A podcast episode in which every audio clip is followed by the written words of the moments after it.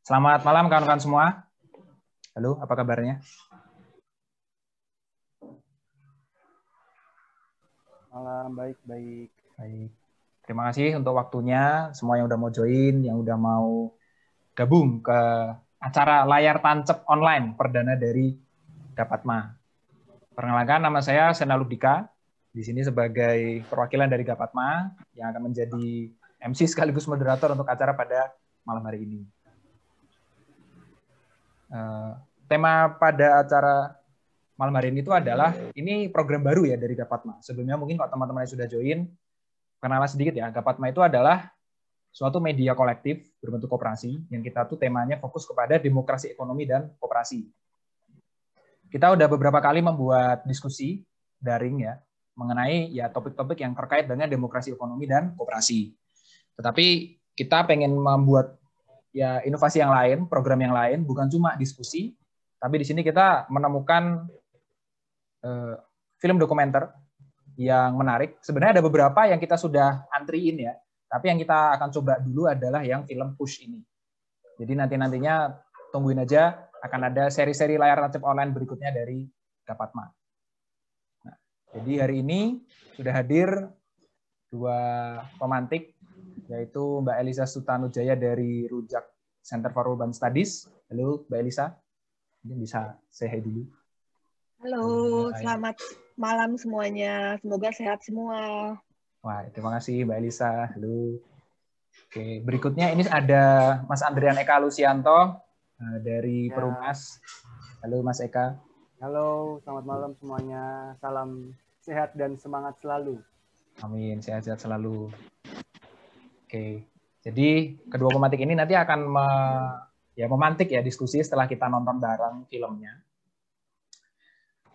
Dengan tema Push itu apa? Jadi Push ini adalah suatu film yang berusaha menginvestigasi kenapa sih rumah-rumah di kota besar itu mahal. Dan kira-kira apa sih yang bisa kita lakukan secara kolektif ataupun secara request ke pemerintah atau apa pun lain bisa kita lakukan ini sebenarnya yang menarik dari Gapatma kenapa kita bikin bahasan mengenai rumah. Karena ya kita sebagai mungkin kalau yang sering kata-kata yang dipakai adalah millennials itu kan kesulitan sering kesulitan untuk mendapatkan hunian. Ini nggak tahu yang udah punya rumah berapa orang di sini ya? Mungkin seberapa gelintir ya kalau yang masih muda-muda masih bermimpi punya rumah mungkin. Tiap tahun itu nabung buat ngontrak ya saya juga seperti itu. Jadi yang menarik ternyata fenomena ini itu tidak terjadi hanya di Indonesia doang. Di segala macam kota di seluruh dunia itu tuh terjadi. Nah, itulah yang akan dibahas oleh Push dan kita pengen memahami lebih lanjut apa sih masalahnya.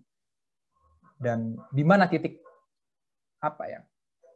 akar permasalahannya sehingga kita bisa menyelesaikannya secara bersama-sama. Gitu. Jadi itu intronya untuk pemutaran pada malam hari ini. Kita akan mulai dengan, oh sorry, sebelum kita masuk ke rangkaian acaranya, saya akan menjelaskan jadwal hari ini seperti apa. Jadi setelah ini, kita akan masuk ke pemutarannya langsung. Pemutarannya dulu. Filmnya sekitar satu setengah jam, sehingga sekitar jam 8 seperempat kita akan baru selesai. Nanti setelah 8 seperempat itu, baru kita akan diskusi bersama dengan para pemantik. Lalu ya teman-teman siapkan pertanyaan, dan ini mumpung karena memang pesertanya tidak terlalu banyak, kita mungkin nanti bisa lebih uh, dinamis ya. Jadi nanti bisa raise hand kalau ada yang mau menanggapi atau mau ngobrol, jadi bisa nanti nyalakan mic saja buat kita diskusi. Kalau nanti pesertanya lebih banyak dari ini, mungkin terlalu ramai kan, tapi kebetulan ini memang pesertanya bisa 20-an, masih masuklah kalau kita mau langsung diskusi secara uh, lisan gitu ya. Begitu kira-kira teman-teman. Jadi saya recap ya, 18.45 kita akan mulai pemutarannya sampai jam 8 seperempat, satu setengah jam ya full. Lalu nanti baru 20.15 sampai jam 9 kita akan diskusi. Nah, di sini reminder sebenarnya karena kan ini memang ya satu setengah jam itu harusnya full. Ini kan mungkin koneksi internet ya nyala mati dan lain-lain. Sekiranya ini teman-teman mendapatkan kesulitan dan bukan dari internet teman-teman yang bermasalah, misalnya internetnya saya sebagai pemutar filmnya yang bermasalah, uh, mungkin mohon dibantu chat saya lewat Instagramnya Gapatma. Mungkin yang aku share dulu ya. Supaya nanti kita bisa cek. Karena saya akan standby juga untuk memastikan semuanya lancar. Takutnya ada apa-apa begitu ya. Ini aku akan share di sini linknya. Itu ya, instagram.com slash 33455 titik.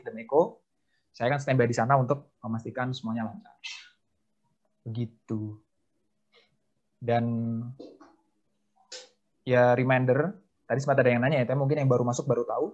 Jadi diskusi kita malam ini tetap tetap akan kita rekam, tapi yang kita rekam adalah diskusinya, filmnya sendiri tidak kita rekam.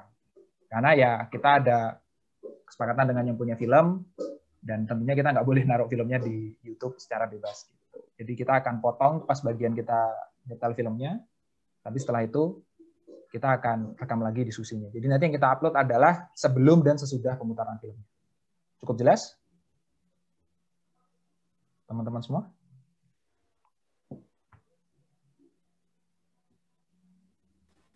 Oke, oke. Oke, kalau oke. Nah, di sini ada video pengantar satu dari Remo TV yang sangat relevan dengan topik yang akan kita bahas pada malam hari ini. Sekaligus gunanya adalah ini adalah testing. Jadi nanti kalau misalnya videonya gimana-gimana atau apa, mungkin teman-teman bisa chat ke grup chat ya. Jadi video YouTube ini akan menjadi tesnya sekalian supaya nanti teman-teman bisa tes koneksi maupun saya juga tes koneksi. Oke ya. Kita mulai dulu dari video yang pertama ini.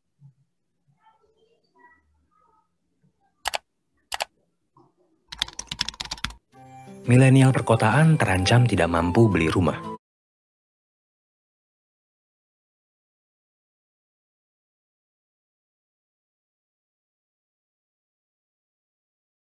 Oke deh, kita akan coba untuk masuk ke filmnya langsung. Sekali lagi kalau ada apa-apa, mau nanti nge-kontak saya dari IG-nya Gapatma ya, soalnya biar jalurnya jalur lain dari sini, biar nggak mengganggu alurnya. Selamat menikmati ya.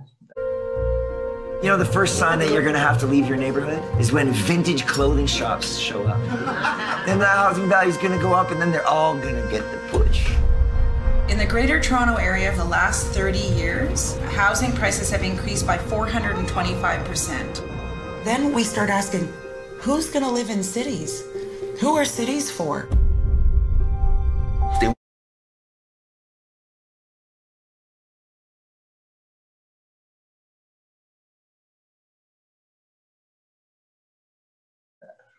Atau apa yang sedang dilakukan sekarang untuk melawan bukan melawan ya mengimbangi apa yang tadi disebutkan dalam filmnya hmm. tapi saya rasa ada uh, ada hal yang lebih penting ya karena gini uh, sebagian besar yang diceritakan kecuali apa yang terjadi di Chili uh, maupun di uh, Korea Selatan itu adalah konteks uh, yang terjadi di belahan bumi utara gitu ya. Utara. Nah, uh, nah di belahan bumi utara punya punya sejarah yang sangat beda uh, terkait perumahan dengan apa yang terjadi di belahan bumi selatan yang di mana sebagian besar uh, perumahan di belahan bumi selatan, contohnya di Indonesia atau di uh, apa namanya uh, India yang mirip-mirip ya atau lalu Pakistan lalu uh, apa namanya yang uh, sebagian kecil dari uh, Vietnam dan sebagainya itu uh, sebagi, uh, uh, sekitar 60 persennya itu dipenuhi secara uh, secara uh, sosial gitu, secara uh, secara mandiri oleh warganya. Nah, hmm. Nah, kalau survei BPS terakhir itu kan uh, orang yang membangun rumahnya sendiri atau misalnya mendapatkan warisan tadi disebutkan juga ya di di apa di videonya yang kami buat bareng sama Remote TV yeah. itu 60% lebih gitu. Jadi uh, sementara kalau di belahan bumi utara akibat dari revolusi industri yang panjang hmm. di dua abad tiga abad kalau untuk Inggris uh, Amerika uh, Amerika Kanada itu dua abad itu uh, perumahan sosial meng, uh, menjadi tulang punggung tempat tinggal bagi mayoritas orang. Hmm. Di mana perumahan sosial itu berarti mereka uh, sewa gitu. Ya. Uh, jadi kultur uh, memiliki menetap di tanah itu uh, sudah terkikis bersamaan dengan revolusi industri yang sudah terjadi gitu. Jadi oh. uh, jadi mindset mereka dari awal sebenarnya hunian itu adalah produk produk uh, hak asasi gitu karena kan disubsidi negara segala macam ya bagi Oh. mereka lalu mereka kaget tiba-tiba uh, setelah mungkin dipicu dari dereg- deregulasi zaman Thatcher lalu kalau di Berlin kenapa bisa begitu itu akibat dari uh, uh, runtuhnya tembok Berlin lalu Berlin bangkrut lalu Berlin harus menjual sebagian besar asetnya rumah sosialnya Hmm. eh, kepada pihak ketiga. Pihak ketiga itu bahkan kepada banknya Jerman sendiri eh, yang tadi di Kreuzberg itu yang tadi dia mereka komplain-komplain itu eh, pembeli terbesarnya adalah kayak BUMN banknya di Jerman gitu. Ah. Nah, sementara di Jerman itu 75%, eh, sorry di Berlin itu 75% adalah penyewa. Jadi bayangkan disrupsinya kalau misalnya di- mereka cerita eh, naik eh, dua kali lipat, naik 400 euro lah, naik 400 dolar, ya semua orang kaget gitu. Kalau kita mungkin oh naik ya kos-kosannya ya udah kita pindah deh ke kos-kosan lain, nanti pasti banyak gitu kan ya. Tapi di sini nggak bisa gitu. Eh, di di Eropa itu sulit seperti itu. Lalu ada soal kedua yaitu eh, gentrifikasi yang dipahami oleh eh, orang belahan bumi utara itu sangat berbeda dengan gentrifikasi yang dipahami oleh kita gitu. Jadi kita mungkin akan sulit memahami oh bisa ya apa eh, bendera kumuh kayak Kreuzberg. Jadi Kreuzberg tuh isinya eh, imigran Turki eh, dari apa namanya dari eh, Arab atau dari mana pokoknya non Jerman gitu ya, Hmm. eh, non ras Arya gitu ya, eh, tinggal di sana dan membuat tempat itu jadi unik gitu kan ya. Eh, lalu berubahlah eh, orang masuk lebih kaya eh, perumahannya dibeli dan sebagainya itu gentrifikasi di benaknya eh, orang-orang belahan bumi utara gitu di mana orang kelas ekonominya lebih tinggi masuk ke dalam situ. Sementara eh, gentrifikasi di Jakarta atau di Indonesia kita tuh lebih dekat pada isu penggusuran gitu. Ah. Jadi eh, penggusurannya bisa secara paksa maupun secara yang baik-baik gitu. Contoh yang penggusurannya penggusuran yang baik-baik itu kalian tahu semua Pacific Place kan ya? Pacific Place itu eh, milik PT aduh PT apa ya? Aku, aku, aku kok namanya lupa ya. Itu kan punya eh, namanya SCBD ya. Itu milik PT SCBD eh, yang punya Tankian di mana tahun 80-an dia dapat eh, SIPPT dari eh, SIPPT dari pemerintah untuk membebaskan lahan di situ. Yang dulunya dihuni orang 5.000 orang. Oh. 5.000 ada 5.000 rumah. Nah, itu gentrifikasi eh, yang terjadi di Indonesia gitu di Jakarta khususnya di Jakarta ataupun juga di kota-kota besar lain. Nah, eh sama dengan penggusuran paksa, cuma bedanya yang satu eh, dipaksa juga untuk menjual, eh, mau nggak mau menjual kepada developer. Sementara kalau penggusuran kampung kan dipaksa untuk dengan beko dan sebagainya. Jadi, Hmm. nah itu jadi eh, perbedaan konteks itulah yang terjadi eh, di di di antara bumi utara dan selatan. Nah, enaknya kita masih punya waktu untuk jangan sampai ke arah yang terjadi di utara eh, seperti yang ada di Berlin, Barcelona, segala macam itu. Ya.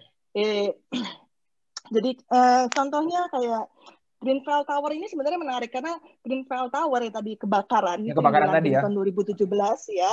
Eh, itu menariknya eh, satu hari setelah Greenfield Tower itu kan Lelani bikin tulisan, Lelani Parha tadi. Itu kan bikin tulisan lalu dimuat di The Guardian. Gara-gara itu eh, apa eh, kita baca, rujak baca, oh ini orang menarik sekali, ayo kita kirim email ke dia. Dan dan dan dia balas, eh, Lelani balas, lalu kita undang dia ke Indonesia. Dan dia datang ke Jakarta di bulan September 2017 lalu mengunjungi semua apa tiga kampung yang digusur paksa eh, di zaman eh, apa di zaman Jakarta tahun 2015 dan 2016.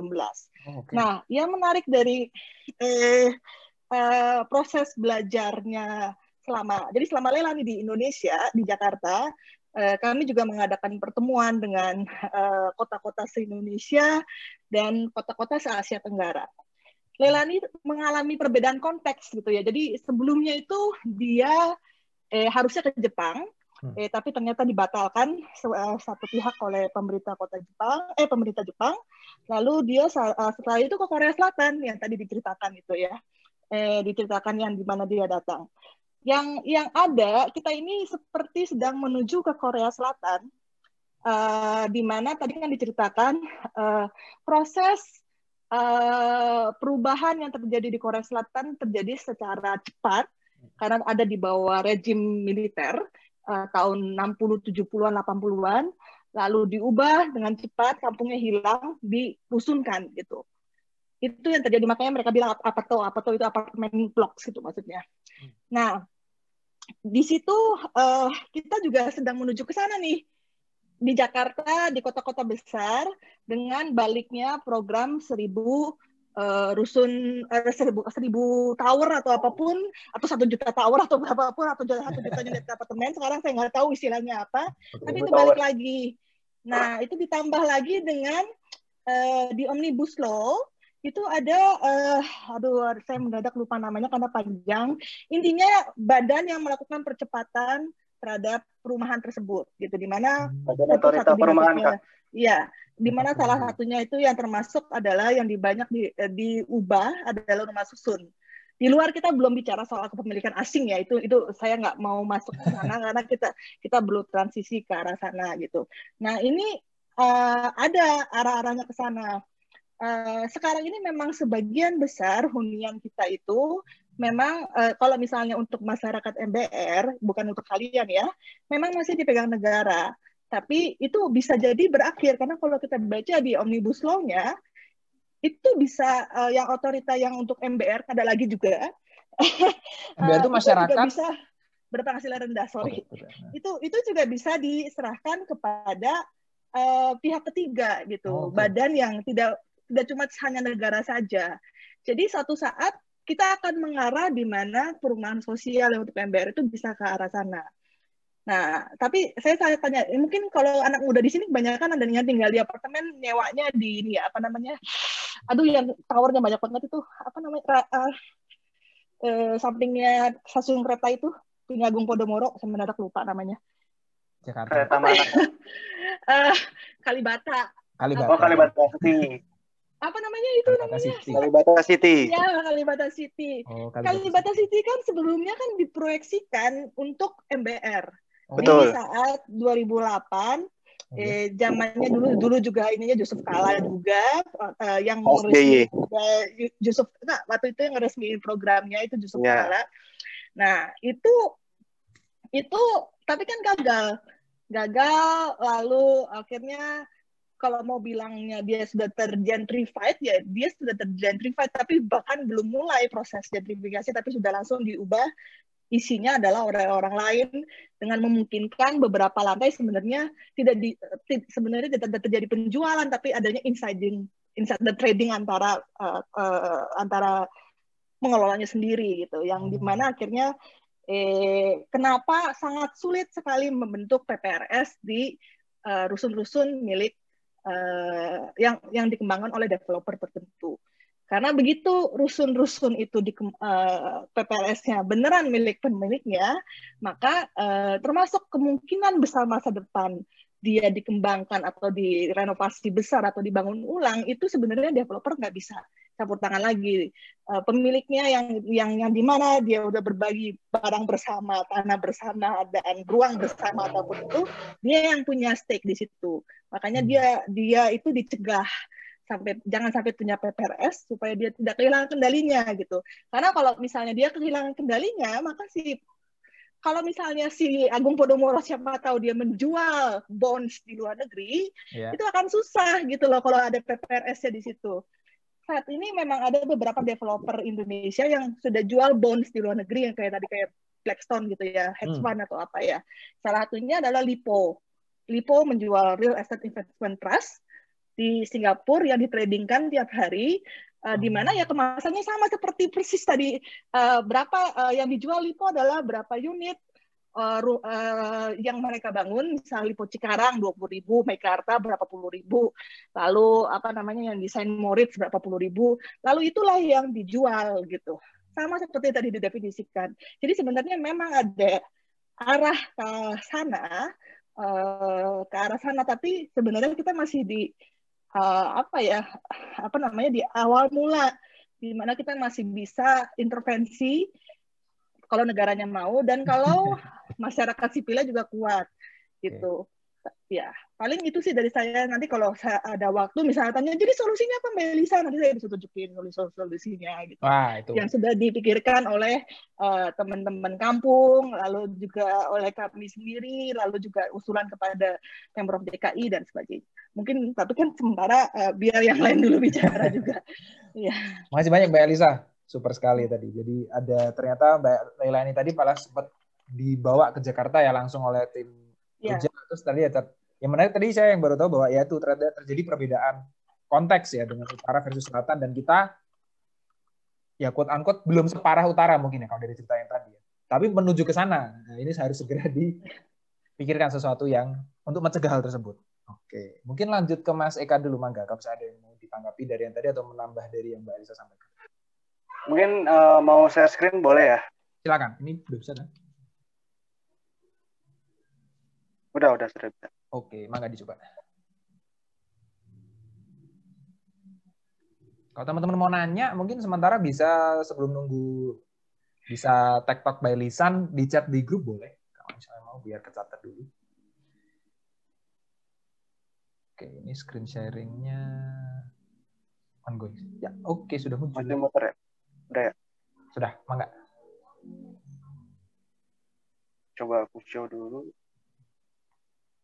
Oke, uh, selamat malam semuanya. Assalamualaikum warahmatullahi wabarakatuh. Kenalkan, uh, saya Andriani Kalukianto, bisa dipanggil Andri atau bisa dipanggil Eka, bebas.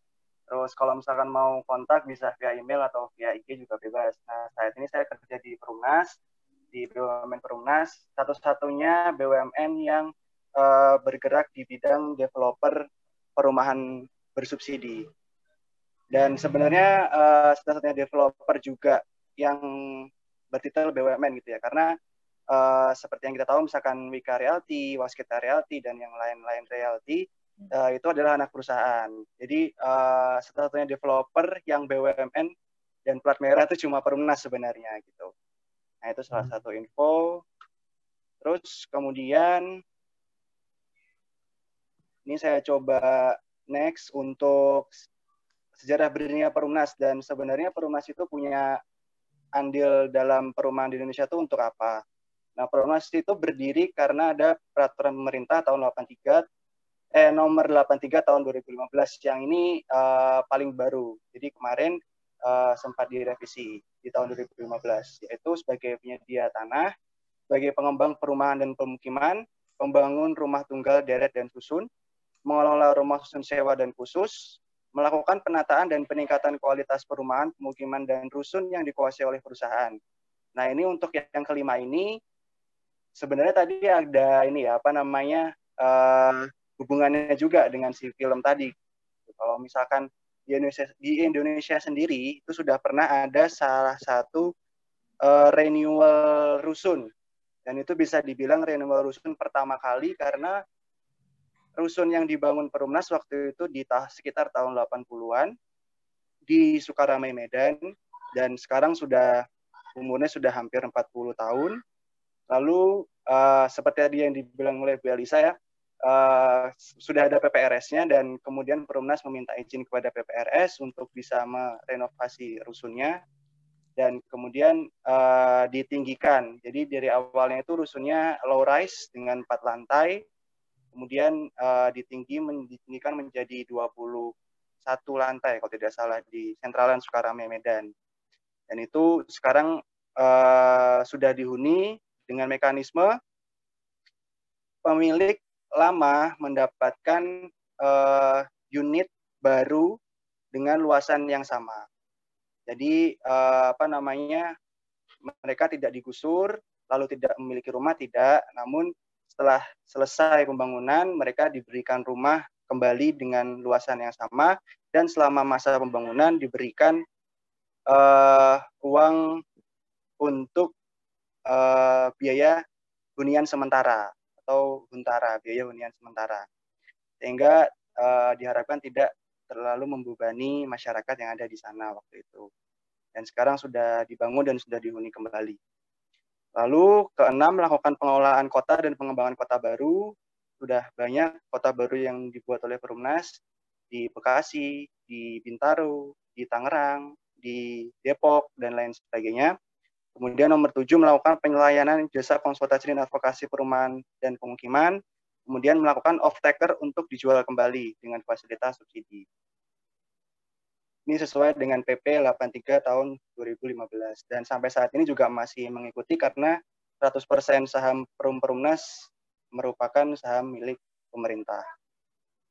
Perumnas sudah membangun di seluruh kawasan Indonesia mulai dari paling ujung itu ada di Lok Sumawi hingga ke Cendrawasih dan ada juga di Jayapura.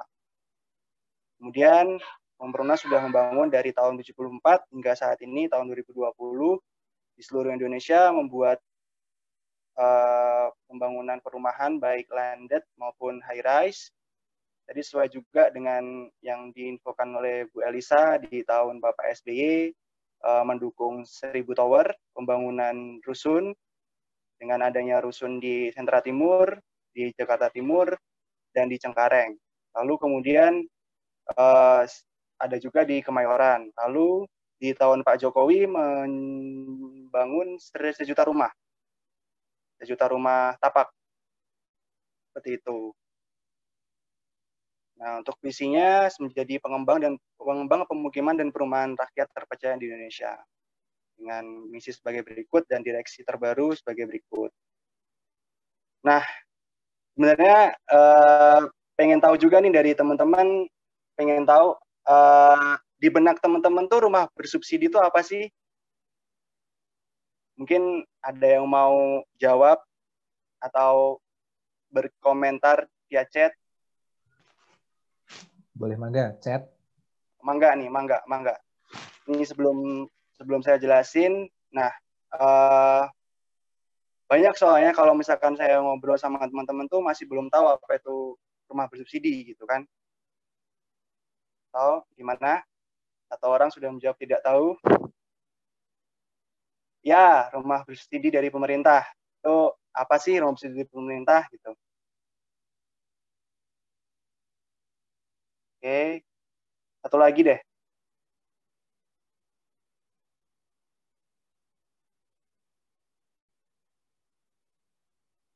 Oke, ya udah saya jelasin aja ya. Jadi subsidi kan dari awal katanya dari subsidi. Subsidinya itu ke siapa sih gitu? rumah yang dijual dengan harga terjangkau terutama dengan proses KPR. Nah, ya mungkin ini ada benernya juga. Jadi rumah bersubsidi itu agak beda ya kalau misalkan dianalogikan dengan misalkan bensin bersubsidi atau misalkan beras bersubsidi itu agak beda. Harganya lebih murah. Nah, benar juga sih harga lebih murah. Tapi sebenarnya subsidi yang diberikan oleh pemerintah itu bukan ke developer, bukan ke developer, melainkan ke uh, bank pemberi kredit. Ini saya salah satunya saya kasih contoh BTN ya atau developernya saya kasih salah satunya Perumnas gitu. Jadi uh, subsidi rumah rumah bersubsidi itu bukan harganya misalkan awalnya 200 juta kemudian diberikan subsidi menjadi 125 juta atau 150 juta sekarang ya gitu. Itu bukan bukan diberikan subsidi seperti itu. Namun subsidinya diberikan dengan mekanisme FLPP. Tadi juga sempat di-mention oleh Bu Elisa FLPP ini apa? FLPP ini adalah uh, apa namanya bantuan untuk uh, pembiayaan perumahan di uh, Indonesia tentunya. Nah, apa sih syarat-syaratnya dan keuntungannya itu apa? Keuntungannya itu mendapatkan bunga flat 5 5% hingga lunas. Jadi dari awal misalkan harga 155 150 juta, cicilannya misalkan 900 ribu, dari awal hingga 20 tahun ke depan itu mendapatkan cicilan 800 sampai 900 ribu seperti itu. Terus syaratnya harus rumah pertama, lalu yang kedua gaji di bawah 7 juta rupiah. Nah, itu FLPP. Jadi jangan salah sangka jangan uh, apa apa namanya uh, mindsetnya bukan seperti bensin bersubsidi atau beras bersubsidi ya kalau rumah bersubsidi. Jadi mindsetnya adalah rumah bersubsidi itu adalah rumah yang mendapatkan bantuan FLPP dalam pembiayaannya. Sementara harganya sendiri itu seperti ini. Harganya sendiri itu sudah dipatok oleh Kementerian PUPR. Kementerian PUPR ini ada tanya, kalau nggak punya slip gaji seperti wirausaha seperti apa ya Mas ya? Nah itu juga salah satu kendala. Cuma kalau misalkan wirausaha, biasanya kalau misalkan punya laporan ke, laporan keuangan, bank bisa terima. dari laporan keuangan bank bisa lihat uh, sebenarnya bisnisnya bagus apa enggak gitu ya Mas ya. Nah, harganya itu dari mana? Harganya itu dipatok sama Kementerian PUPR. Kementerian PUPR mematok dan biasanya diganti setiap dua tahun sekali, dinaikkan setiap dua tahun sekali. Nah ini tergantung dari wilayahnya, ada yang di Jawa, Kalimantan, Sulawesi, Maluku hingga ke Papua. Ini beda-beda harganya rumah bersubsidi itu. Nah, apa namanya dengan skema seperti ini sebenarnya developer sendiri punya uh, istilahnya itu kayak kesulitan gitu karena dari harga yang sudah dipatok dan harga rumah bersubsidi itu berasal dari mana? Tentunya berasal dari biaya pengadaan tanah, pematangan tanah, konstruksi, operate, dan financing. Yang bisa kita lakukan itu apa? Ya udah kita pasti cari mengefisiensikan biaya konstruksi yang pasti. Akhirnya speknya diturunkan. Tentunya tidak mengurangi spek untuk keamanan struktural. Tetap tahan gempa, tetap uh, layak untuk dihuni, namun biasanya spek yang dikurangi itu misalkan spek arsitektural, misalkan tegel tidak besar-besar, atau misalkan cat uh, tidak terlalu dengan uh, apa namanya merek yang sangat tinggi seperti itu. Nah itu uh, apa namanya efisiensi biaya konstruksi. Dan yang paling penting adalah di pengadaan tanah. Pengadaan tanah sendiri uh, biaya yang komponen biayanya itu lumayan besar. Dan akhirnya untuk menghemat kos yang sudah dipatok oleh Kementerian PUPR yang yang bisa kita lakukan adalah mencari lokasi dengan biaya pengadaan tanah kurang dari 300 ribu rupiah per meter persegi dan tanah sekian ini adanya di mana yang pasti tanah sekiannya ada di pinggiran kota bukan di tengah kota dan tadi uh, merujuk juga yang adanya di yang ada di film uh, apa namanya perumahan MBR susah untuk ditemukan di tengah kota, adanya di pinggiran kota, dan ingin mengembalikan lagi adanya perumahan yang bersubsidi atau terjangkau di tengah kota itu sebenarnya saya sangat setuju banget sih. Mungkin nanti solusinya bisa dari Mbak Elisa ya.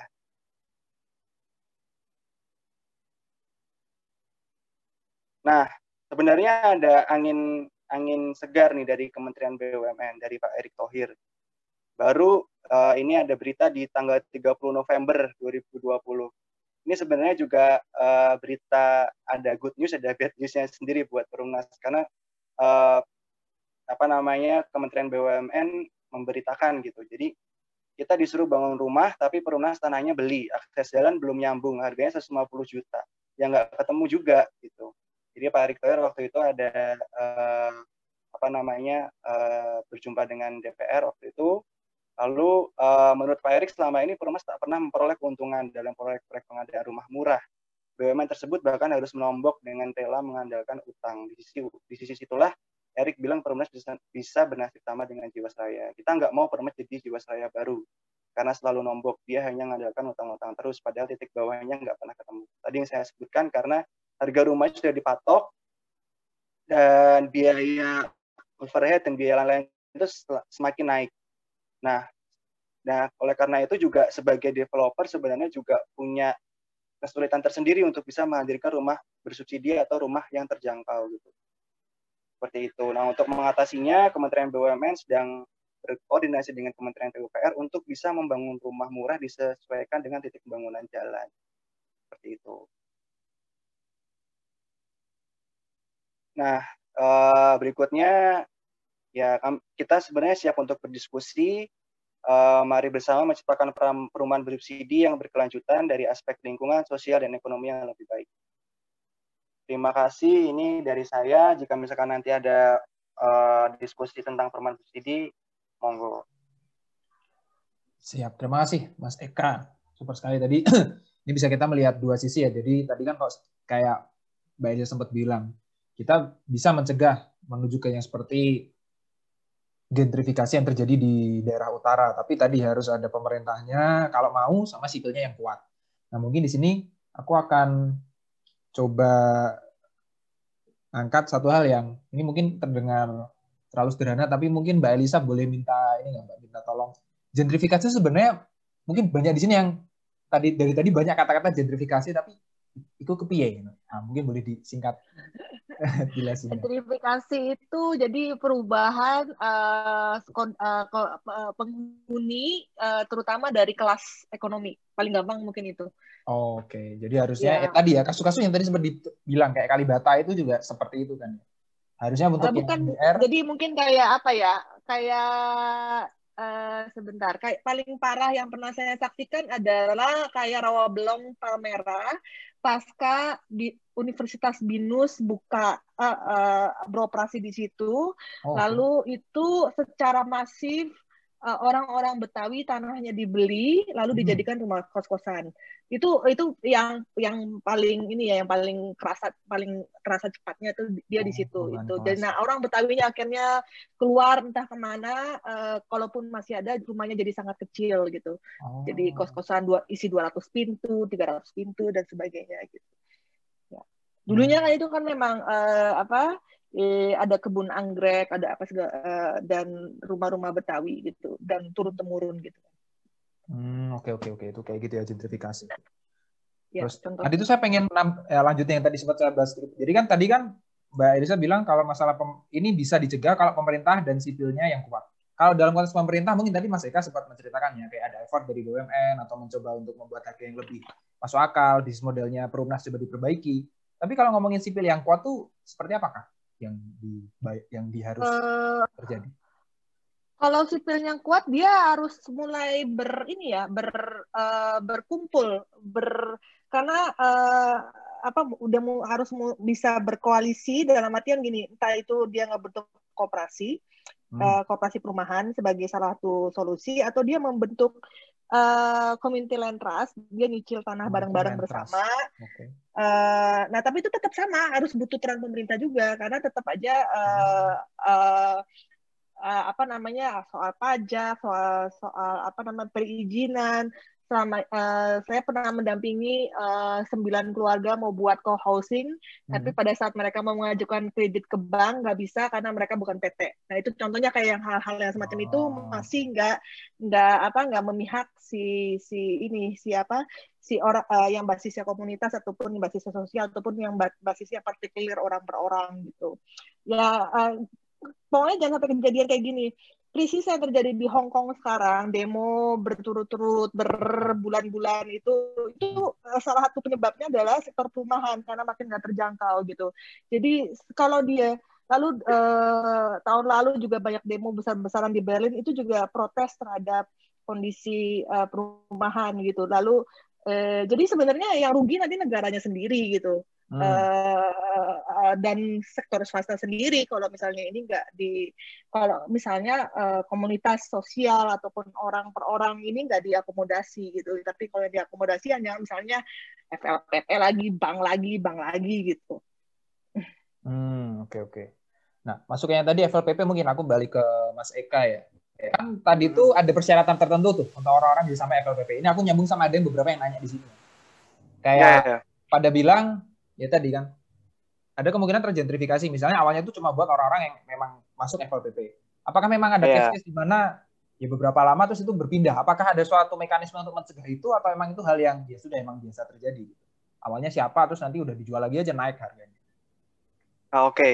uh, jadi gini sebenarnya sesuai aturan yang ada untuk FLPP itu uh, apa namanya wajib untuk dihuni oleh penghuni yang membeli Wajib. Jadi selama dan itu selama uh, selama mencicilnya, selama masa mencicilnya. Dan biasanya masa pencicilnya itu selama 15 sampai 20 tahun. 15 20. Okay. Jadi uh, apa namanya? Uh, penggunanya itu harus sama dan biasanya ada pengecekan dari pihak bank, pihak banknya. Hmm. Bank memberi kredit. Nah, ini ada pertanyaan bagus juga uh, masalah gentrifikasi. Kalau misalkan udah ada PSU, terus tiba-tiba uh, area tersebut menjadi dimiliki mungkin oleh peng eh apa area tersebut menjadi melonjak harganya gitu. Nah. Misalkan nah. udah ada PM-nya gitu ya.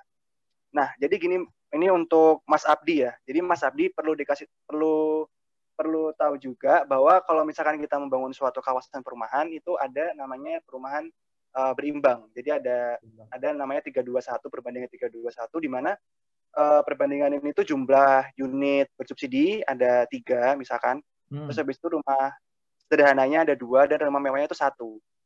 Okay. Dan kalau di Perumnas sendiri masih sangat mengikuti aturan ini ya gitu. Nggak tahu kalau ya kalau misalnya kita lihat dari developer lain, saya juga kurang paham kenapa bisa bisa dapat izin gitu ya.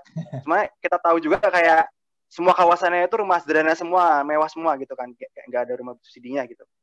Nah, e, kalau di perumahan sendiri masih ada seperti itu. Nah, biasanya memang dari rumah berimbang ini itu memang yang dibangun pertama kali adalah rumah bersubsidi gitu. Dan itu juga untuk menjamin kepastian investasi juga ya. Jadi kan uh, makin lama juga apa namanya diharapkan si harga rumah bersubsidi ini juga uh, punya nilai investasi atau capital gain juga gitu. Supaya nanti orang-orang yang tinggal di MBR yang di rumah bersubsidi ini juga bisa dapat imbal balik apa ya imbal balik investasi secara capital gain gitu. Nah, itu hmm. ada 321 itu gitu. Jadi memang benar di satu kawasan nanti eh, pasti ada bagian rumah yang subsidinya, nanti ada pasti ada bagian rumah yang sederhananya dan pasti ada bagian rumah yang mewahnya dan biasanya memang di akhir itu eh, ada rumah mewahnya gitu. Seperti itu sih, Mas hmm, okay. gitu sih. Nah. nah, lanjut lagi sedikit Mas terkait itu. Ini aku pertanyaan Atika Almira ini bagus nih. Jadi ya kayak kejepit nih Mas. Nah. Jadi tadi kan ada persyaratan harus di bawah 7 juta. Hmm, tapi dengan hmm. harga rumah sekian-sekian. Nah, terus kalau orang-orang yang di atas itu, atau tadi pengusaha misalnya, tapi tetap nggak hmm. masuk tuh kalau mau beli rumah, jadi kan susah, malah nggak ada solusi. Kalau buat mereka gimana tuh? Jadi kayak, nah itu gajinya 7,1 juta, terus mentok, oh nggak bisa punya rumah nih. Menyerah. 7,5 juta juga susah, udah susah ya mas ya buat dapat rumah di Jakarta gitu nah, sejujurnya nah, gitu kan. Sebenarnya kalau dari pemerintah apakah uh, solusinya apakah sementara ini? Sementara ini solusinya uh, rusun sewa. Rusun sewa, oh, oke. Okay rusun sewa. Rusun sewa sih. Cuma uh, ada salah satu case di Surabaya ya. Jadi Surabaya itu bagus. Uh, dia nerapin uh, apa namanya ke apa namanya case case-nya itu seperti kayak di Singapura. Jadi kayak dia apa dia bayar sewa rusun dengan ada sinking sinking fund yang ditabungkan untuk bisa nanti diambil menjadi DP rumah tabungan DP rumah gitu Oh, jadi, jadi nyewa sambil uh, eh, DP gitu. Sambil nabung. Nyewa sambil nabung buat nanti di DP-in rumah gitu. Hmm. Cuma hmm. setauku, setahu saya yang di Jakarta masih belum ada sih kayak skema seperti itu. Jadi itu uh, di Surabaya yang yang sudah saya tahu ada skema kayak Dari gitu. pemerintah juga atau sebenarnya ada suatu skema yang... Dari pemerintah Pemkot. Di zamannya Bu Risma. Tuh. Hmm, ya. Jadi apa namanya?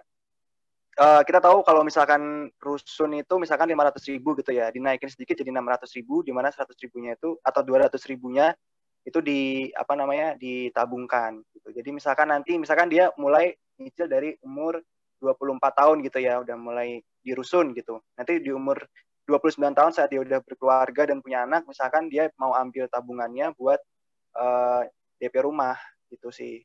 Nah, itu bisa buat tambahan DP rumah gitu sih salah satu skema ah. yang bagus sih menurut saya dan itu uh, di Singapura juga kayak gitu sih dengan FGB-nya gitu. Iya. Oh, oke oke. Terima kasih Mas Eka. Mungkin masih sewa.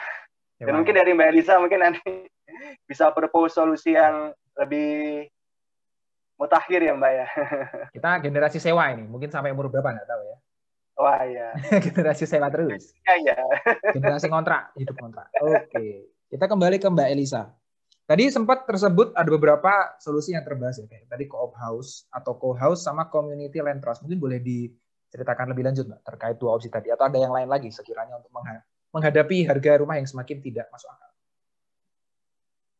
Ya, sebetulnya solusinya banyak. Hmm. uh, apa? Uh, cuma sayangnya uh, opsi yang dikasih pemerintah itu tadi yang di apa uh, SSB, FLPP, BP2, BT, pokoknya semua ya singkatan. uh, semuanya uh, arahnya ke kredit individual melalui mekanisme uh, finansial bank yang di mana uh, uh, apa uang pertamanya atau uangnya itu dapat dari PT SMF, uh, SMF saya selalu lupa apa itu?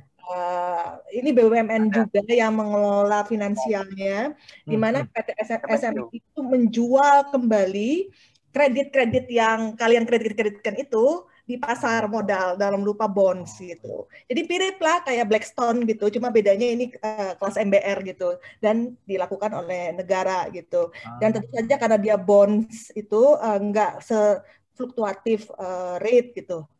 Uh, nah itu mungkin uh, mungkin yang jadi masalah kan itu uh, solusinya tunggalnya di situ. Dia nggak punya opsi yang lain. Kalau misalnya opsi yang lain kayak misalnya kemarin sempat Pak Jokowi pas dicukur itu di mana kan ada tuh uh, di sosmed ada komunitas pencukur lalu eh, komunitas pencukurnya bilang ke dia tukang cukur e, Pak kami butuh rumah. Lalu di, eh, Pak Jokowi dengar dia suruh Menteri PU bikin perumahan komunitas untuk tukang cukur. Yang ada akhirnya uh, solusi-solusi yang incremental uh, tiba-tiba yang kayak gitu gitu. Tidak itu sistemik yang, ya. Ya nah itu yang jadi masalah. Nah sebetulnya uh, eh saya cuma mungkin sambil share slide aja sebentar ya. Oh enggak, masih bisa. Bisa, oh, bisa. Ya apa sih uh, saya sebenarnya lebih fokus ke apa yang untuk anak uh, bukan anak muda sorry kok anak uh, untuk yang eh 25 tahun ke atas dengan misalnya uh, penghasi uh, kalau misalnya nanti mereka sudah menikah eh apa uh, penghasilan gabungannya bisa 10 juta karena pasti ini suami istri akan biasanya kalau di kota besar tuh akan ya. bekerja bukan karena persoalan uang yang nggak cukup, tapi kadang-kadang ya karena karena kebudayaannya gitu. Jadi memang memang perempuan juga sudah beralihkan dari uh, domestik uh, menjadi apa lebih aktif dan sebagainya. Hmm. Uh, ini ini sih mungkin saya lepaskan aja ya. Yang paling penting di sini adalah sebetulnya aturan agraria yang yang kalau misalnya aturannya agrarianya tidak tidak memenuhi uh, uh, uh, tidak adil, uh, tidak memenuhi rasa keadilan, maka makin sulit bagi perumahan basisnya eh, apa eh, yang berbasisnya swadaya, berbasisnya sosial itu untuk hidup di di di Indonesia gitu ini saya sebenarnya mau ngasih grafik yang rada menyeramkan. Tadi kan dibilang tuh yang Toronto itu katanya 400% dalam tempo waktu 30 tahun. Yeah. Eh, Jawa Timur, Surabaya terutama itu 100% dalam tempo waktu lima tahun kenaikan harga properti kelas menengahnya. Jadi tenang. What? Ada yang lebih parah dari Toronto yaitu Surabaya ataupun Jakarta misalnya 46 persennya nggak parah-parah amat.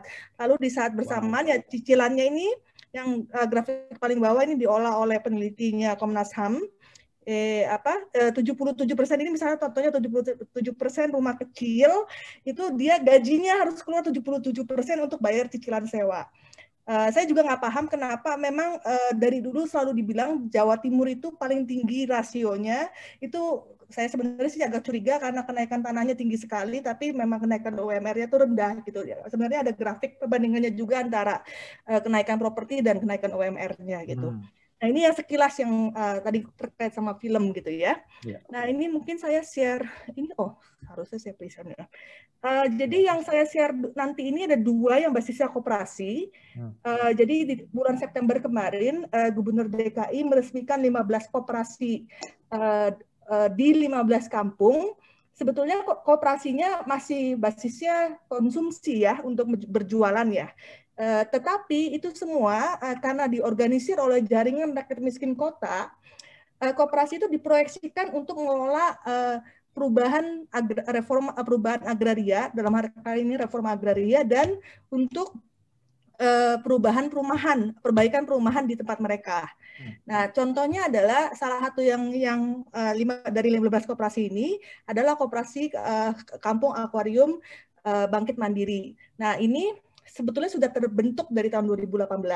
Cuma kemarin aja ikutan pengesahan bareng aja. Sebenarnya mereka udah dapat uh, dokumennya segala macam apa S apa mesti ada SK SK dan segala macam dan itu difasilitasi oleh Dinas UMKM-nya pada saat pembentukan. Hmm. Nah, ini uh, yang yang yang menarik dari proses uh, akuarium ya walaupun memang ada penggusuran dulu dan sebagainya, tanah ini uh, uh, tetap menjadi uh, milik Pemprov DKI. Walaupun ada sejarah panjang ya, uh, eh, HPL tetap di Pemprov DKI, tetapi HGB nanti akan ada di, ada di koperasi, dan lalu uh, jenis unit yang diusulkan untuk dimiliki oleh masing-masing anggota koperasi, dan juga penghuninya adalah SKBG uh, Sarusun. Ini kenapa SKBG Sarusun ini lebih karena uh, uh, ini di mana bangunannya dimiliki oleh uh, koperasi gitu, tapi tidak tidak tanahnya gitu. Ah. Nah, tapi ada perjanjian antara Pemprov DKI dengan uh, koperasi nantinya untuk mengatur berapa lama uh, mereka bisa uh, tinggal dan sekaligus uh, apa kayak perjanjian agrarianya gitu, apa perjanjian sewa uh, HPL-nya tersebut. Nah, ini yang yang juga lagi digodok di Perda Rusun supaya ada jadi DKI sekarang lagi membuat perda rumah susun di mana nanti uh, model kayak gini tuh bisa diterapkan di kampung-kampung ataupun di tempat lain juga yang jika memang ingin uh, ingin apa namanya membentuk satu entitas uh, hukum gitu dan untuk mengelola bersama. Hmm. Nah ini hmm. bisa disebut sebagai model eh, co-housing ya uh, karena tetap tanahnya tetap dimiliki oleh uh, uh, pemerintah dalam hal ini ataupun uh, kalau untuk kasus contoh seperti community land trust di London uh, tanahnya itu dipinjamkan kepada komunitas. Ya ini juga bisa bentuk sebagai uh, sebagai bentuk community land trust juga karena dia dikelola oleh komunitas gitu. Nah ini uh, mungkin saya skip aja. Jadi dan yang beda dari akuarium itu sebenarnya uh, karena desainnya basisnya dari calon penghuni eh, ini apa namanya uh, membongkar stereotip rusun. Jadi oh. sebelum penggusuran, mereka itu udah pernah tur rusun karena waktu itu kan ditawarin rusun oleh gubernur uh, yang menggusurnya. Uh, nah, mereka udah pergi ke beberapa rusun, terus mereka bilang saya nggak mau tinggal di tempat yang kayak gini. Nah, karena pengalamannya membekas gitu, mereka bilang saya nggak mau begini, nggak mau begini. Ya sebetulnya nggak mau tinggal di kayak rusunawa itu gitu. Jadi akhirnya keluarlah desain seperti ini. Kenapa jual apa? Kenapa bentuknya split level? Uh, kenapa banyak ruang terbukanya, ruang berkumpulnya dan sebagainya itu karena uh, untuk uh, supaya mereka mau tinggal di tempat bertingkat karena mereka aslinya kan tinggal di tanah apa di rumah tapak ya. Oh iya. Nah ini nanti seperti itu. Lalu yang kedua ini juga sama koperasi. Eh, ini bedanya uh, mereka itu tanahnya mendadak diaku oleh eh, PT uh, eh, TBK di tetangganya. Nah, lalu mereka uh, setelah berkonflik lama, akhirnya PT-nya setuju untuk kasih uang ganti rugi. Uang ganti ruginya dibantu oleh Pemprov DKI untuk mencari tanah baru di mana mereka bisa tinggal. Dapatlah tanah hampir 1000 meter persegi, uh, bisa untuk 20-an keluarga dan dibangun nanti eh, apa namanya basisnya koperasi juga. Hmm. Nah, tapi bedanya tanahnya milik koperasi karena kan mereka dapat uang ini ya, uang ganti rugi dibelikan tapi milik koperasi lalu HGB-nya menjadi karena ini apa semi apa ya flat gitu HGB-nya masing-masing beberapa keluarga gitu ini yang yang nanti tadinya begini ya proyeksinya sih yang kayak tadi gambar yang di bawah seperti ini Nah, ini yang mungkin yang agak menarik buat kelas menengah ya. Ini sebenarnya opsi. Eh, ini duku atas. Semua orang mau tinggal di duku atas kan? Ada LRT nanti dua LRT, ada stasiun apa? Ada yang airport, ada stasiun Sudirman, ada Jakarta, ada MRT. Nah, ini mekanisme yang kan yang sedang dijalankan Rujak dan kebetulan nanti saya semoga jadi calon penghuninya. Oh. Eh, mana uh, ini kita menyewa kepada orang yang mempunyai sertifikat hak milik. Tapi uh, ini seperti ini ya, apa namanya uh, BOT (Build Operation Transfer) ala developer sebetulnya uh, di mana tanahnya di uh, uh, suatu tanah tersebut dikembangkan, dioperasikan, lalu uh, tapi bedanya nggak ditransfer balik kepada pemilik tanahnya gitu, karena nanti bangunannya dihuni terus menerus uh, uh, oleh penghuninya. Hmm. Nah ini, nah ini kan yang ada di bayangannya PT MRT untuk kawasan Duku Atas adalah bikin seperti ini, semuanya diganti tower semua. Oh. Nah orang-orang yang di iya. sini yeah. itu mau gitu, makanya kami pioneer duluan kasih tunjuk udah dapat izin walaupun menyalahi eh, beberapa ketentuan KRK ya tapi karena bisa negosiasi bukan negosiasi ya karena kita argumentasi bahwa ini kenapa harus tingginya empat lantai dan segala macam uh, dan akhirnya keluar juga uh, eh, KRK-nya dan sebagainya. Nah ini kalau di bayangannya PT MRT jadinya semua bangunan tinggi itu padahal itu merusak uh, morfologi kota, merusak komunitas dan tentu saja yang jadinya kayak tadi yang seperti uh, kita contoh yang di film itu Nah, jadinya ini yang yang yang kami buat uh, pemilikan tanah tetap individu yang tinggal di situ. Jadi hak hak warisnya nggak hilang, uh, dia masih dapat manfaat ekonominya 60 tahun ke depan dalam rupa sewa tanah. Nah, lalu uh, kami bikin PT Lalu uh, ini sedang lagi dipertimbangkan karena semua orang ternyata males ngurusin pertelaan dan segala macam. Terus gak usah bikin SKBG rusun deh, yang penting perjanjian perdata antara PT, individu dan pemilik tanah itu kuat dan sebenarnya kan itu juga sudah cukup gitu. Jadi kami akhirnya memutuskan gak mau bikin SKBG sarusun. Nah ini uh, menggabungkan antara kantor di bawah sama ada retail kecil, lalu unitnya macam-macam tergantung dengan ada yang kalau gajinya tinggian dikit bisa 80 meter persegi, kalau yang gajinya lebih kecil 40 meter persegi, yang masih uh, ini empat lantai yang masih baru mulai uh, 20 meter persegi, tapi itu dihitung-hitung uh, apa per meter perseginya tuh uh, uh, maksimal tujuh setengah juta per meter persegi. Dikali misalnya tadi dikali 80 berarti 560 juta per uh, 560 juta per unit gitu. Oh, di Jakarta oke banget ya di Duku Atas. Bukan di Jakarta aja, di Duku Atas. Di, di Menteng Duku Atas. Sudah nggak masuk itu ya. Nah, ini sebenarnya uh, ini kami kemarin bikin studi uh, apa di mana aja sih tanah-tanah di Jakarta seluruh Jakarta yang underutilized. Underutilized dalam artian KDB-nya rendah, tapi sebenarnya kenyataannya enggak. KDB itu koefisien koefisien dasar bangunan berapa persen yang boleh dibangun di tanah tersebut. Uh, KLB-nya rendah, koefisien lantai bangunannya rendah itu berarti berapa kali tanah yang boleh dibangun. Jadi akhirnya hmm. berpengaruh ke tinggi bangunan. Nah, di Jakarta itu masih banyak banget. Makanya jadinya bentuknya perumahan tapak-tapak dua lantai, dua lantai itu loh.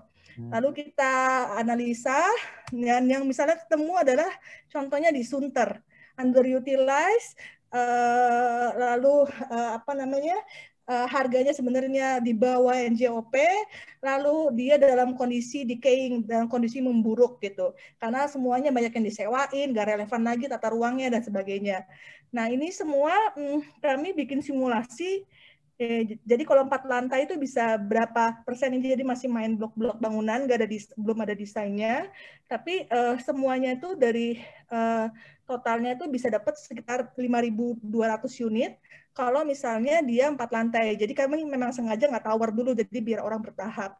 Nah ini sebenarnya ada simulasi ininya kami buat enam simulasi. Kalau misalnya tanahnya dibeli, kalau misalnya tanahnya dibeli negara, kalau misalnya tanahnya dikerjasamakan dengan uh, dengan pemilik tanah sebelumnya, tadi kan banyak yang disewa-sewain tuh berarti kan nggak relevan lagi gitu loh. Atau kalau misalnya HGB-nya habis dan Pemprov DKI memutuskan membuat peraturan baru terkait agraria, eh sorry, agraria di BPN ya, Kementerian di Kementerian BPN untuk untuk hal lain, untuk perumahan itu itu kami perhitungkan ada enam skenario.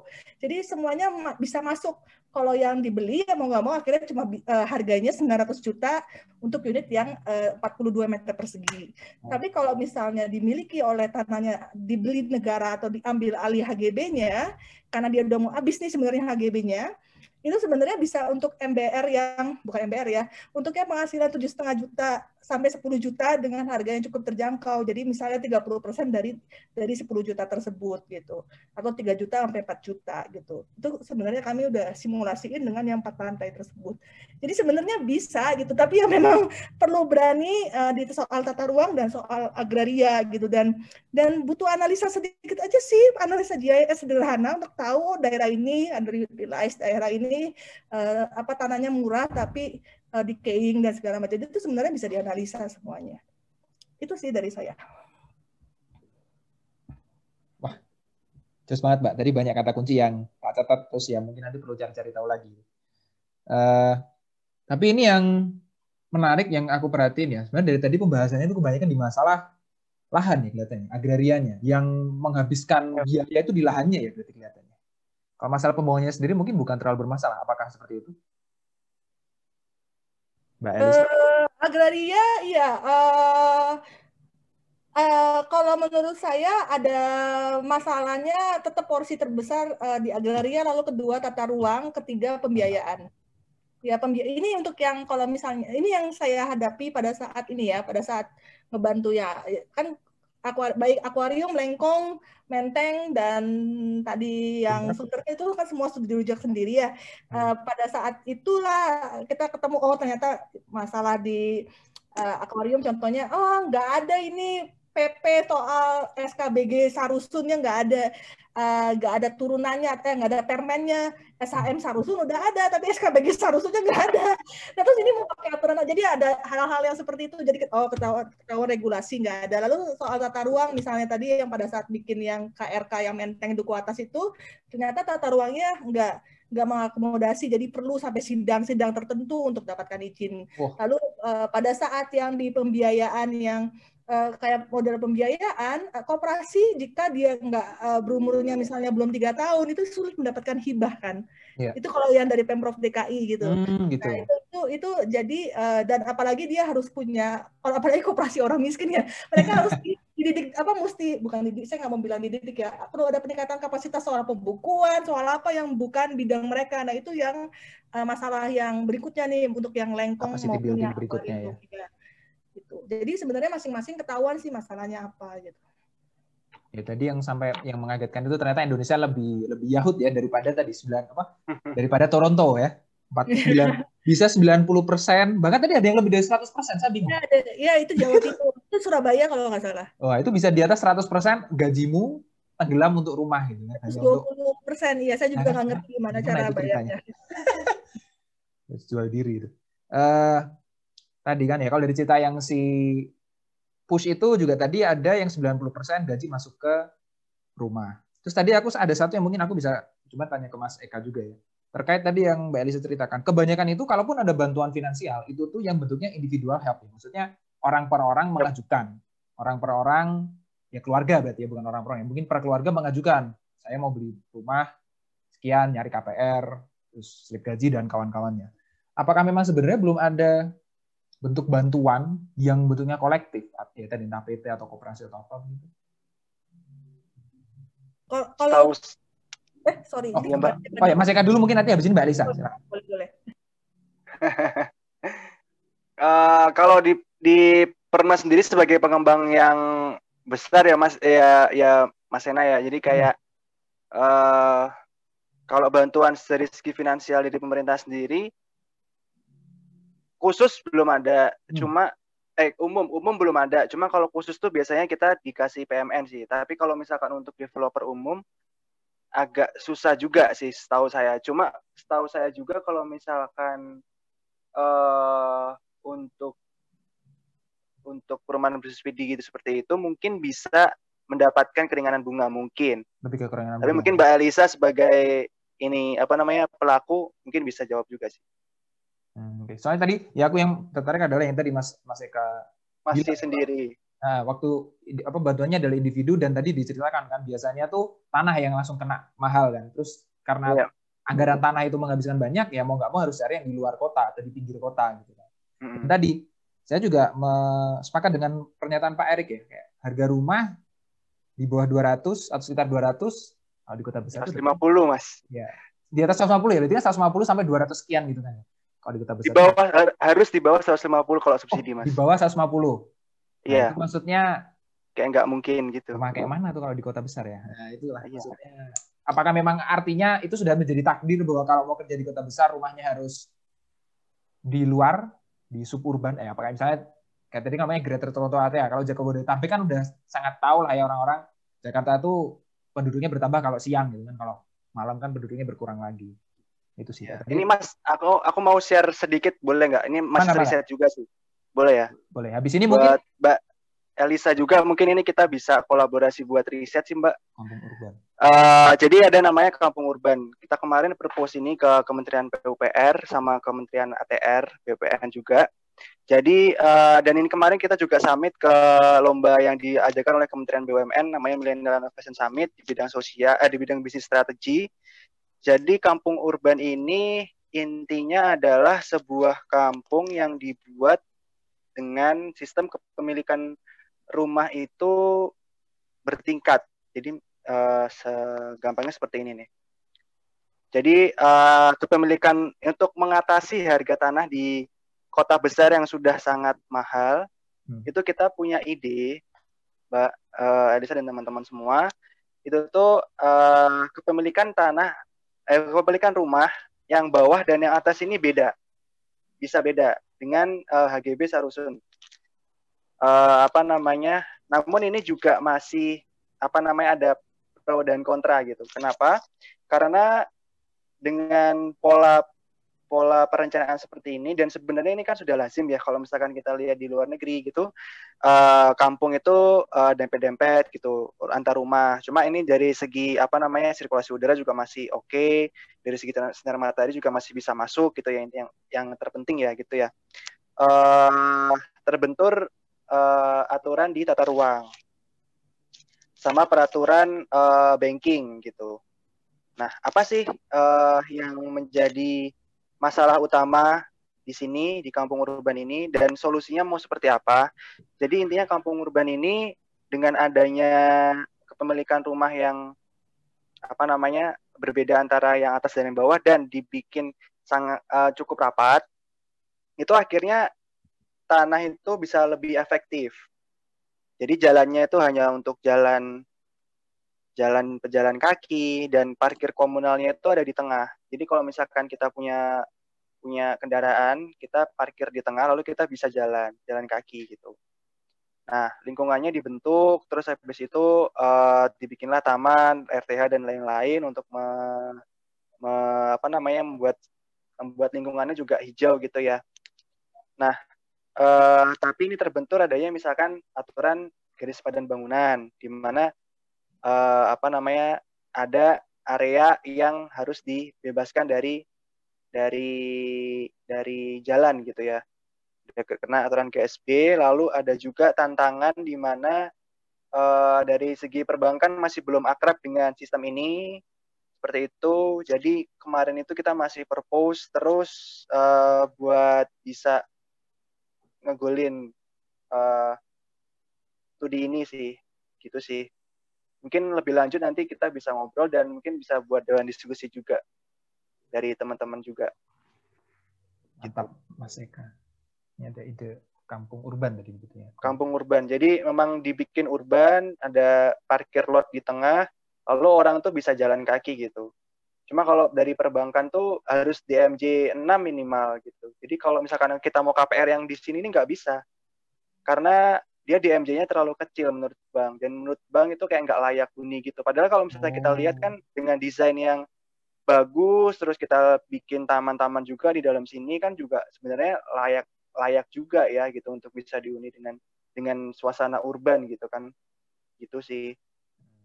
Ya ini masih dalam proses buat bisa ada kayak gini.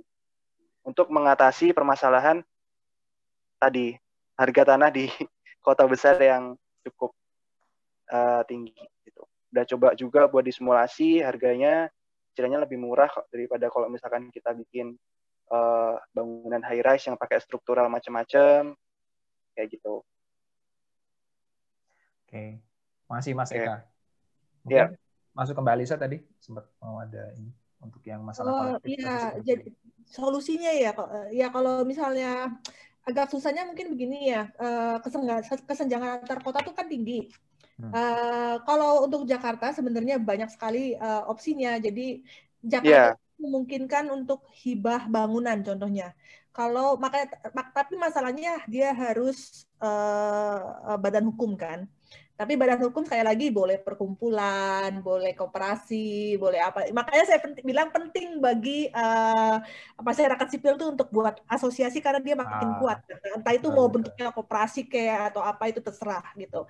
Nah, uh, tapi sekali lagi syarat untuk hibah bangunan itu dia tiga tahun. Nah, DKI ini sebenarnya udah pernah berkali-kali menghibahkan bangunan yang mereka bangun kepada uh, orang kepada pihak ketiga yang punya badan hukum itu bisa jadi kantor, bisa jadi rumah sakit, hmm. bisa jadi sempat hampir mau jadi gedung parkirnya Polda tapi nggak jadi dan sebagainya.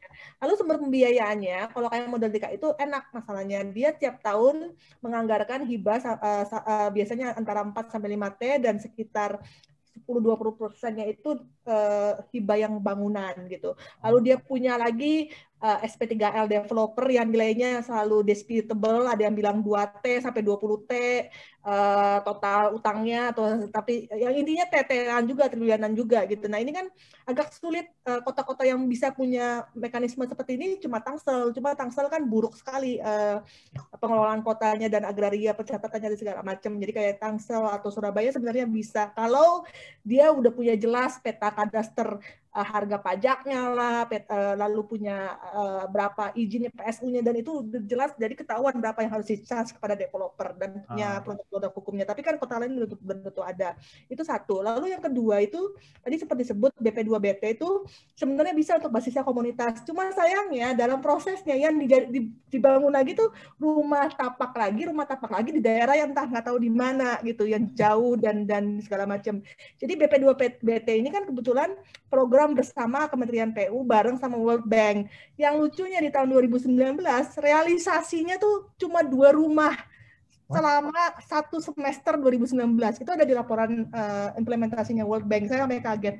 Uh, realisasinya cuma dua dari harusnya targetnya berapa puluh ribu di semester tersebut gitu. Nah ini kan berarti ada yang salah kan dengan bagaimana caranya memasarkannya bagaimana uh, pendekatannya ke siapa? Karena sekali lagi mereka cuma deketinnya bank gitu. Oh 2018 ya bukan 2019. Pokoknya itu buruk banget. Mbak Atika kayak dari World Bank. ya, ketahuan. serius, serius, serius. Ini, ini, ini kerja di World Bank. Sekali oh. lagi dia masarinnya cuma ke bank lagi dan ke dan bank. alasannya kalau dibaca reportnya karena banknya kurang sosialisasi dan terlalu cepat apa waktunya pendek banget kalau nggak salah uh, kalau saya baca dari laporannya. Okay. Nah ini kan berarti kan salah salah jualan ini Padahal ada berapa puluh ribu dan itu utang World Bank gitu. Lalu ada lagi proyek gagal pemerintah, bukan proyek gagal sih. Dari saya ngantor di mana, udah pindah lagi, udah pindah lagi, nggak nggak wujud juga. Itu konsolidasi lahannya uh, uh, apa proyek uh, kebanggaannya pemerintah pusat di pasar Manggis yang nggak jadi-jadi juga. Nah ini tadi uh, yang jadi masalah tuh mereka mengharapkan selesai dalam waktu cepat uh, bisa selesai gitu. Padahal nggak bisa begitu. Uh, mending mulai dari pors, uh, parcel yang kecil-kecil gitu. Satu-satu nanti dia akan akan ikutin. Kalau lihat sukses tuh orang kan selalu begitu ya. Oh yep. tetangga gue sukses nih ya gue mau ikutan juga dan sebagainya nggak bakal bisa konsolidasi lahan 10 hektar di pasar Manggis lalu jadi rusun uh, 20 tower atau kayak gimana itu nggak mungkin. Uh, nah itu contoh yang uh, contoh yang yang ngaco dan ini sebenarnya terakhir ini perannya Purnas itu sebenarnya sangat strategis uh, karena dia di bawah Kementerian BUMN. Kementerian BUMN juga membawahi bank-bank yang punya banyak tanah yang nggak dipakai dan underutilized. Contohnya Bank Mandiri di Slipi. Pokoknya banyak banget deh perumahan-perumahan bank itu. Dan sebenarnya Purnas tuh agak mirip sama UR di Jepang. Dia itu, itu juga semi BUMN, di mana dia kerjasama dengan uh, bisa kerjasama dengan kota atau kerjasama dengan uh, developer lain dan lalu mengembangkan satu properti. Tapi kelasnya UR itu beragam banget dari yang sangat besar kota baru sampai yang kecil-kecil kayak tadi yang cuma 40 kakak, 20 kakak itu dia juga ikutan urusin 40 kakak jadi jadi maisonette 8 lantai gitu atau hmm. 20 kakak jadi flat 4 lantai itu dia urusin juga tapi dia kerjasama dengan pemerintah kotanya itu contohnya di Sumida di Tokyo uh, ya jadi sebenarnya uh, banyak dan uh, ada beberapa agent yang bisa dimanfaatkan gitu dan sudah ada gitu. Jadi tinggal mau kreativitas sedikit aja sih. Siap, siap. Jadi kalau yang saya tangkap ya dengan dengan uh, cerita dari Mbak Alisa sama Mas Eka tuh ya sebenarnya ada beberapa solusi. Cuma mungkin justru titiknya adalah kesenjangan ini juga ya gitu, informasi di sisi lain ya, pemahaman juga. Tadi antar kota saja ada kesenjangan ya. DKI sudah banyak instrumen, Surabaya, Semarang dan lain-lain mungkin belum. Untuk ngomongin antar kota, belum ngomongin antar ya ini individu yang malam ini join aja.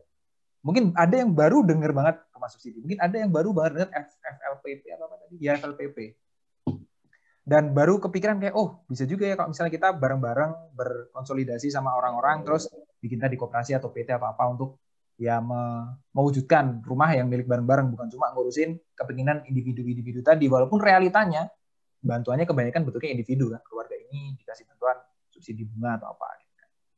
Oke, ini udah lewat cukup lumayan. Jadi uh, mungkin kita akan cukupkan dulu untuk malam hari ini.